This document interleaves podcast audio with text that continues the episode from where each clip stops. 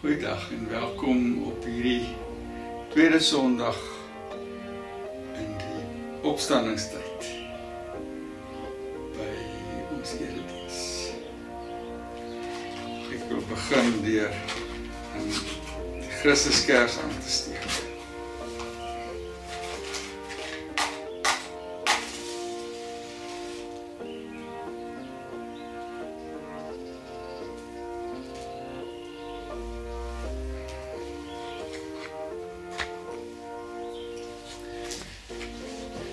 Die Here het opgestaan.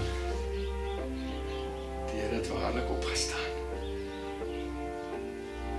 Kom ons. Word stil. Here ons loof U op hierdie wonderlike dag. Dat ons in die opstandingstyd kan leef. Die dag en tyd waarop ons dit kan herdenk dat U uit die dood opgestaan dat hy leef, dat hy regeer, dat hy as koning van die kerk heers in die hemel. Daarom ook nou by ons is om ons oor ons harte en gedagtes te heers. Here en daarom is ons gebed dat jy ook nou wanneer ons saam uit die woord gaan lees en daaroor gaan dink met ons elkeen besig sal wees.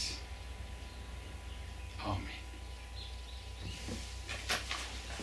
Ek wil op hierdie uh tweede Paas Sondag lees uit Handelinge 2. Handelinge 2 is die verhaal van van Pinkstertyd, die opstanding um op Pinksterdag.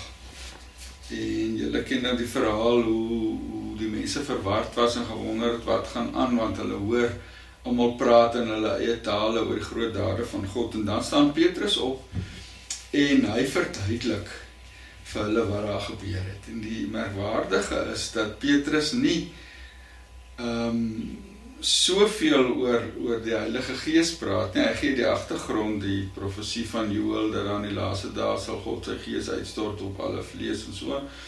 Maar die hart van sy preek of van sy verduideliking is Christus die lewende opgestane Here. Ek lees hier in Handelinge 2 van vers 22. Israeliete luister na hierdie woorde. God het Jesus van Nasaret aan julle bekend gestel en deur kragtige dade, wonders en tekens wat God hom by julle laat doen het. Daarvan weet julle self. God het besluit en dit vooruit bepaal om hom aan julle uit te lewer en julle het hom deur die heidene aan die kruis laat spyker en hom doodgemaak. Maar God het hom van die smarte van die dood verlos en hom uit die dood laat opstaan. Dit was immers vir die dood onmoontlik om hom gevange te hou. Van hom sê Dawid ek het die Here altyd voor oë. Hy is aan my regterhand, ek sal nie struikel nie. Daarom is my hart bly en my tong jubel.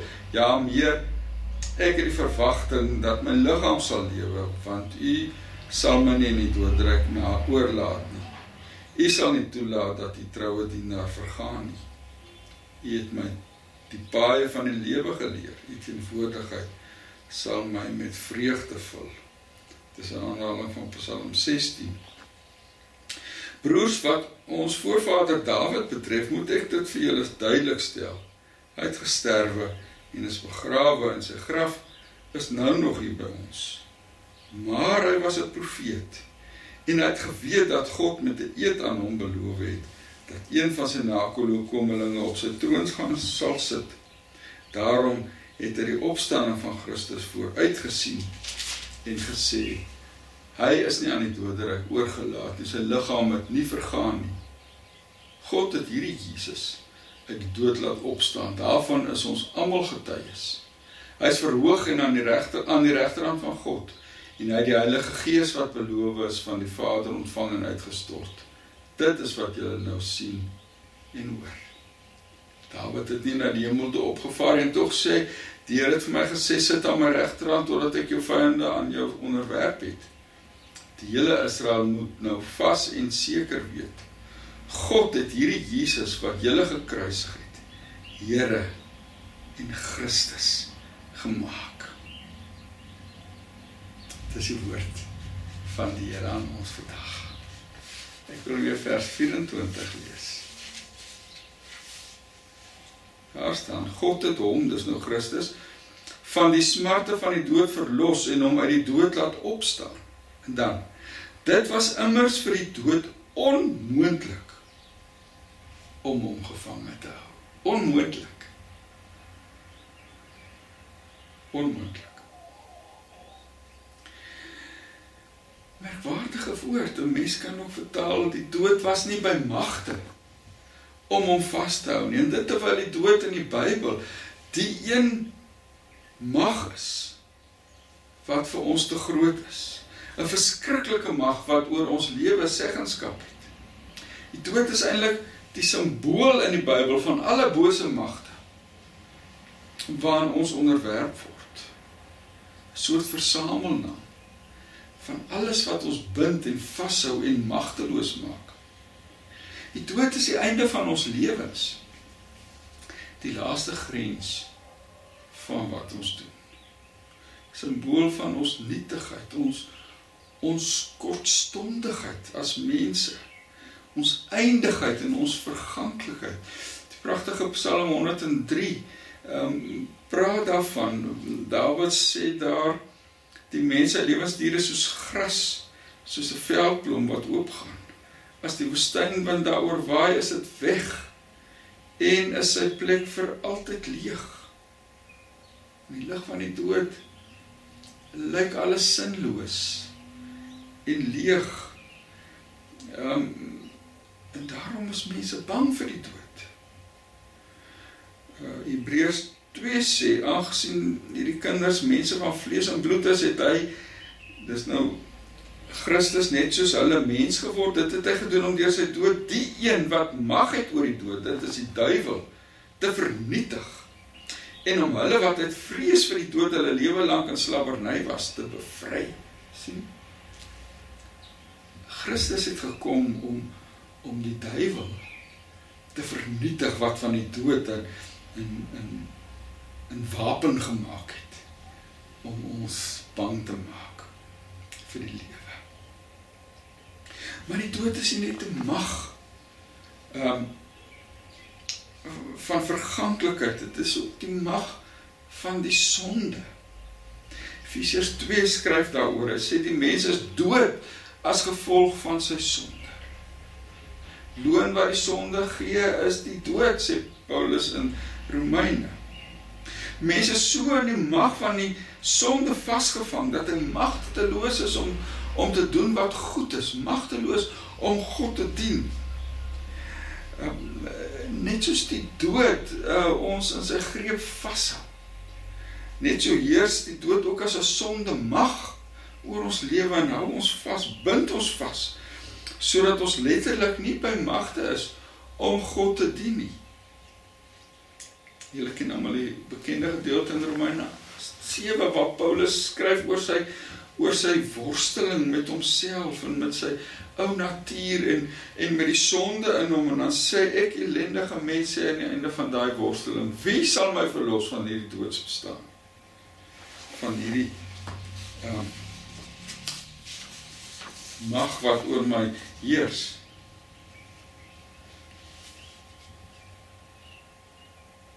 God is sterker as die dood Daarom sluit Paulus daai vraag af in vers 25 van Romeine 7 as hy sê aan God die dank. Hy doen dit deur Jesus Christus ons Here. God is sterker as die dood. Daarom gebeur dit herhaaldelik in die Bybel, ehm um, dat God intree in 'n in 'n situasie wat hopeloos lyk. Hulpeloos lyk. Waar doodse magte heers. Nou gryp God in en verander hy dit in 'n situasie van uitsig en hoop. Ag een van die bekende voorbeelde is Abraham en Sara wat oud geword het en en Sara is nog steeds kinderloos. Die Hebreërskrywer sê in hoofstuk 11 dat hulle liggame reeds verstorwe was. dood was. Um om om om kinders te kan hê. En dan skenk die Here aan hulle 'n seun, Isak. Soos die Here self vir Sara daar in Genesis 18 gesê het toe hy beloof het sy gaan sy gaan swanger word. Niks is vir God onmoontlik nie. Niks. Dis ook die boodskap van Paasfees. Niks is by God onmoontlik nie want hy is sterker as die dood. Dit sê ons teksvers, dit was vir die dood onmoontlik om Christus gevange te hou. Die dood was nie bemagte om hom vas te keer daar in die graf nie, want God is sterker as die dood. Daarom het hy vir Christus van die smarte van die dood verlos en hom uit die dood laat opstaan. God sterker as hierdie mag die dood wat oor ons wil heers. Daarom is die Here Jesus nie aan die kruis dood en begrawe en nou is alles verby nie. Nee, hy leef. Hy het opgestaan. Het die dood oorwin en sy graf is leeg. God het ons magtigste teenstander, die laaste vyand verslaan. Die mag wat ons lewe verslaaf en benoud maak en beïnvloed die dood self het God oorwin en sy mag sy hou vas oor ons verbreek. Dis die boodskap van Paasies. God sterker as die dood. Die dood kon Christus onmoontlik vashou. Christus is losgeruk uit die dood. Hy is die Here, hy sit aan die regterhand van God in die hemel en regeer oor die wêreld en oor ons lewe. En nou ehm um, die ek wil amper sê die kersie op die koek is iets wat Paulus in Efesiërs 1 skryf. Hy sê daar in vers 18 tot 21 Ek bid dat God julle gees oor so verhelder dat julle kan weet hoe geweldig groot sy krag is wat hy uitoefen in ons wat glo en dan hoor nou hier. Dit is dieselfde kragtige werking van sy mag wat hy uitgeoefen toe hy Christus uit die dood opgewek en hom in die hemel aan sy regterhand laat sit het. Dit kan weer sê. Dieselfde krag wat in Christus gewerk het en hom die dood laat oorwin het, werk ook in jou en in my wat met Christus op daardie Paasfeesoggend gebeur het, het ook met jou en my gebeur. Ons is losgeruk uit die mag van die dood.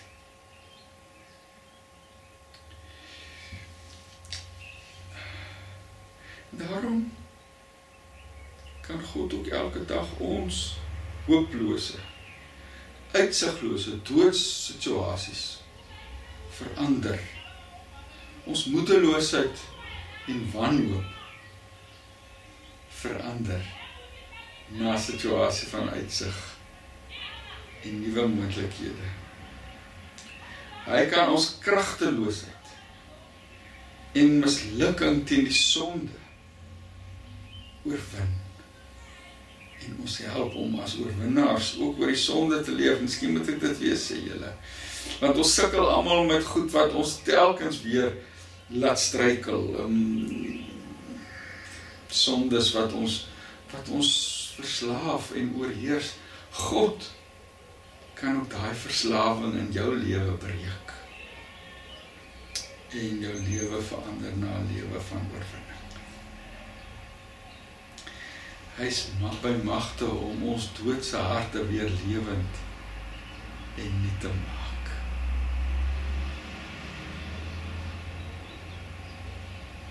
Daarom kon hy die finaliteit van die graf verander na 'n poort van die lewe.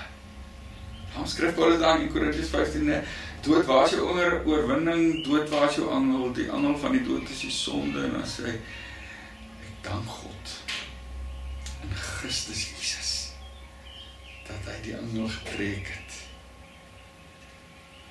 Julle God kan ook in ons land 'n nuwe toekoms skep. Niks. Niks is vir God onmoontlik nie. Geen situasie is so hopeloos. So dood dat hy nie weer daar iets kan doen nie. Dat hy dit nie kan lewend maak nie. Hy is by magte, hy het oorwin. Christus is waarlik die Here. Die groot oorwinnaar. Hy sit aan die regterhand van God. Hy regeer hierdie wêreld. As ons dit maar net met albei hande wil vasgryp en koester. Deel van ons denke maak en daai wil begin leef, dan sal dit regtig paasfees word in ons lewe. Want Christus is opgewek saam met hom is ek en jy ook opgewek. Daarom kan ons nie kom ek sê dit anders, daar moet ons as gelowiges opgewek leef. Ons kan. Jy kan. Want God kan. Mag dit elke dag Paasfees wees in jou lewe. Kom ons bid saam. Here ons dankie vir u woord. Wat ons vanoggend opnuut weer kom herinner aan Jesus se oorwinning. Ons dankie Here Jesus dat u gekom het, ons menslike natuur kom aanneem het sodat u as 'n mens as een van ons die dood kon oorwin in die pad uit hierdie stikkende brose gevalle aarde kon oopbreek tot in die hemel. Maar dankie Here Jesus dat U ook nog elke dag betrokke is in ons lewens, dat ons saam met U opgewek is, dat U ons saamneem in U oorwinning. Here, ons wil dit vandag vasgryp.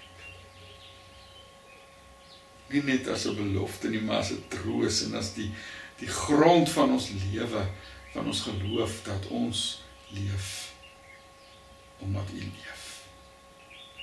Dat ons kan oorwin omdat U oorwin het. Dat ons in U krag kan opstaan teen al die bose magte. Ook die sonde in ons eie harte. Die stikkende verhoudings waarin ons leef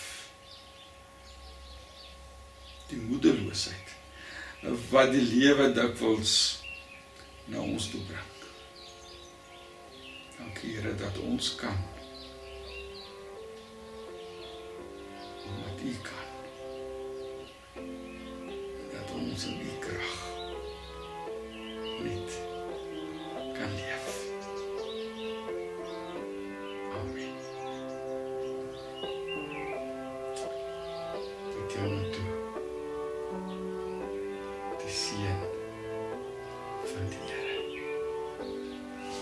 Genade van ons Here Jesus Christus en die liefde van God ons Vader, die gemeenskap van die Heilige